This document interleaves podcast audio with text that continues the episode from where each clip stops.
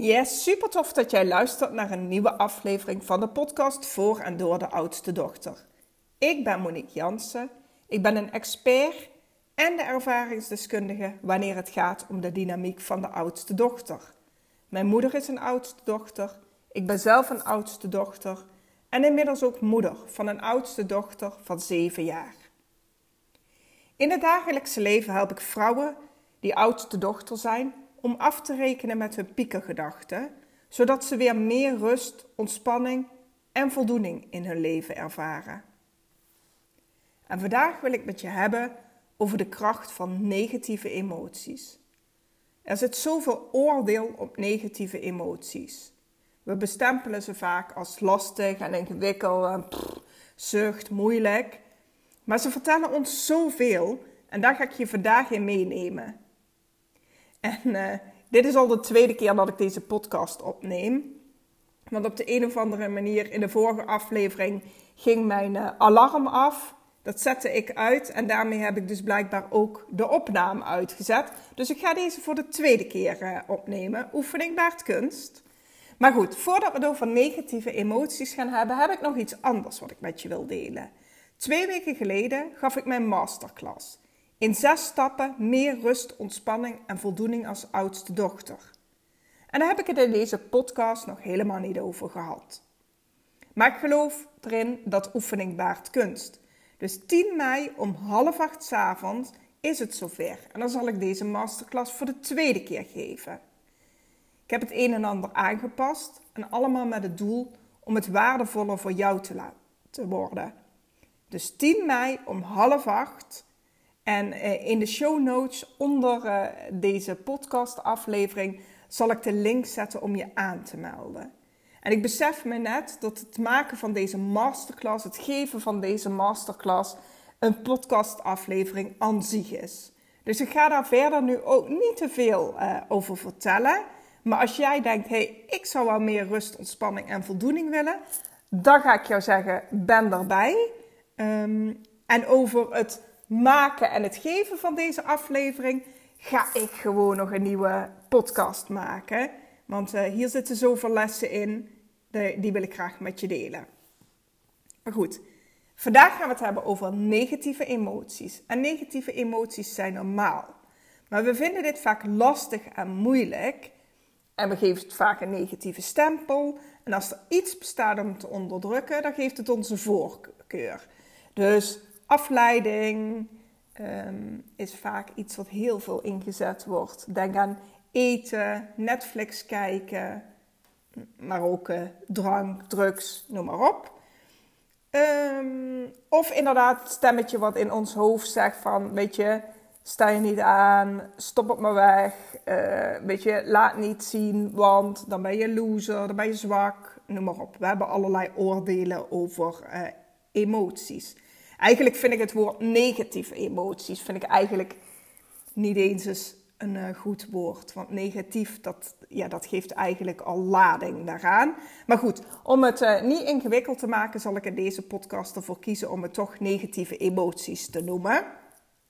Um, en waar ik het net over had, was eigenlijk van, weet je, eigenlijk van jongs af aan worden we al geleerd dat het niet normaal is om deze emoties te uiten. En dan heb ik het veel over boosheid, over verdriet, over huilen, over gillen, over stampvoeten, noem maar op. Want op het moment dat er iets gebeurt, en ik ben maak me daar zelf ook soms schuldig aan, hè? Uh, bij een van de kinderen, dan is een opmerking al snel, nou, tranen weg en uh, klaar. Of hier hoef je niet om te huilen. Of zo erg was het niet. Nou goed, welke boodschap geven we dan eigenlijk mee? We geven mee dat het niet normaal is om je emoties te uiten en dat ze die maar beter even weg kunnen stoppen. Nou, herhaal dat een paar keer. Nieuwe overtuiging is geboren. En wat gaan kinderen doen? Steeds minder hun emoties laten zien. Weet je, in het begin zijn kinderen nog, weet je, die leven in het hier en nu. Is er iets leuk, dan zie je ze lachen. Is iets erg, dan huilen ze. Zijn ze boos, dan schreeuwen ze. Maar door onze overtuigingen, door onze oordelen, gaan ze dat aanpassen. En helaas op latere leeftijd, op volwassen leeftijd, zullen ze vaak weer opnieuw moeten leren om hun emoties te uiten. Want krijgen ze er last van dat, dat ze dat niet doen. Dus daarom, ik wil het met je vandaag hebben over negatieve emoties, zodat je een andere kijk kijkt op, krijgt op deze emoties. Maar ik wil je ook meenemen in een aantal stappen. Wat kan je doen als jij negatieve emoties ervaart? Nou, goed. Wanneer je last hebt van negatieve emoties, dan is daar aandacht voor. Jij besteedt daar aandacht aan. En dat is positief. Want jouw emoties kun je vergelijken als jouw GPS-systeem, als jouw navigatiesysteem. Jouw emoties zijn ervoor om jou veilig door je leven te begeleiden. Zie het als jouw navigatiesysteem voor het leven. Dus wanneer jij negatieve emoties ervaart, dan wil het jou wat vertellen. En voordat ik verder ga, wil ik heel even stilstaan bij een ander punt, namelijk wij als vrouwen met onze hormoonhuishouding. Bij ons kan het normaal zijn dat emoties fluctueren. Zelfs als je in de overgang bent of als je sterilisatie hebt ondergaan. Je blijft een hormooncyclus behouden. Iedere cel in jouw lichaam is gecodeerd als vrouwelijk. Niet alleen je baarmoeder, niet alleen je geslachtsdelen, ook jouw brein is vrouwelijk gecodeerd. En daarom is het ook niet zo stabiel als dat van een man. Het vrouwen- en het mannenbrein is echt anders. Nou, negatieve emoties kunnen een manier zijn van je onderbewuste om jou iets te willen zeggen. Des te sterker de emotie, des te meer dat het jouw aandacht nodig heeft. En eigenlijk betekent het simpelweg vaak dat je uit contact bent geraakt met het doel in het leven. En die negatieve emoties zijn een signaal voor jou om de tijd te nemen en te luisteren naar wat er gezegd wordt. Waarom komen deze gevoelens naar boven? Wat willen ze jou vertellen? Dus op het moment dat jij negatieve emoties ervaart, waarom zijn deze er? Wat willen ze vertellen? En de volgende. Hoe cliché het ook klinkt, het kan gewoon zijn dat het, jou, um, dat het de tijd van de maand is. Dat je last hebt van je cyclus. Dat je menstruatie hebt. Of inderdaad, mocht je in de overgang zijn. Of een sterilisatie. Of om wat voor reden dan ook niet meer menstrueert. Dan kan het even goed die week zijn. En uh, als dat het geval is, parkeer die negatieve emoties dan even. En bekijk volgende week of je er dan nog steeds last van hebt. Zo ja? Dan luister even verder naar deze podcast. Negatieve emoties in je leven zijn het teken dat je moet stilstaan. En ik gebruik het woord moeten liever niet. Maar in dit geval weet ik niet anders hoe ik me uit moet drukken dan dat jij stil moet staan. Als jij negatieve emoties hebt, sta stil en stel jezelf de vraag: ben jij iets aan het vermijden? Welke beslissing stel jij uit? Besef je dat jouw intuïtie jouw superpower is? En ik weet als geen ander dat oudste dochters wandelende hoofden kunnen zijn. Dat ze de connectie met hun lijf zijn kwijtgeraakt.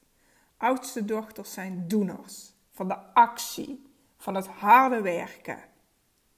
En dat, hij, dat, heb, dat heeft hun ver gebracht. Dat heeft mij ver gebracht. Maar mijn lijf heeft mij zoveel te vertellen. Mijn intuïtie, mijn gevoel is mijn kracht. Het wil je iets vertellen.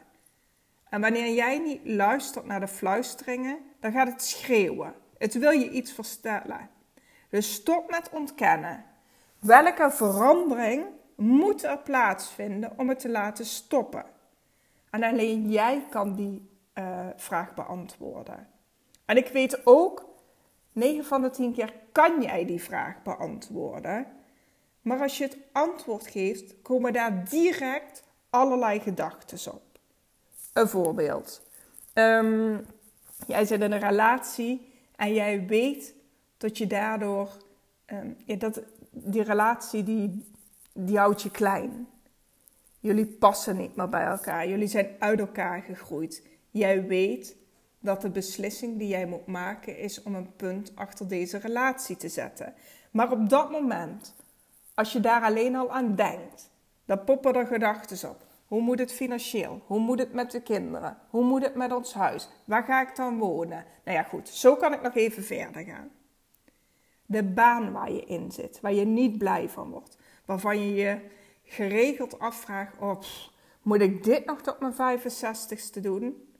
Maar op het moment dat jij denkt aan die droom, aan die passie die je wil gaan leven, misschien wil je wel je eigen bedrijf beginnen. Dan komen er ook weer vragen rondom financiële zekerheid. Hoe moet ik dat gaan doen? Uh, ik weet niet waar ik moet beginnen, et cetera, et cetera.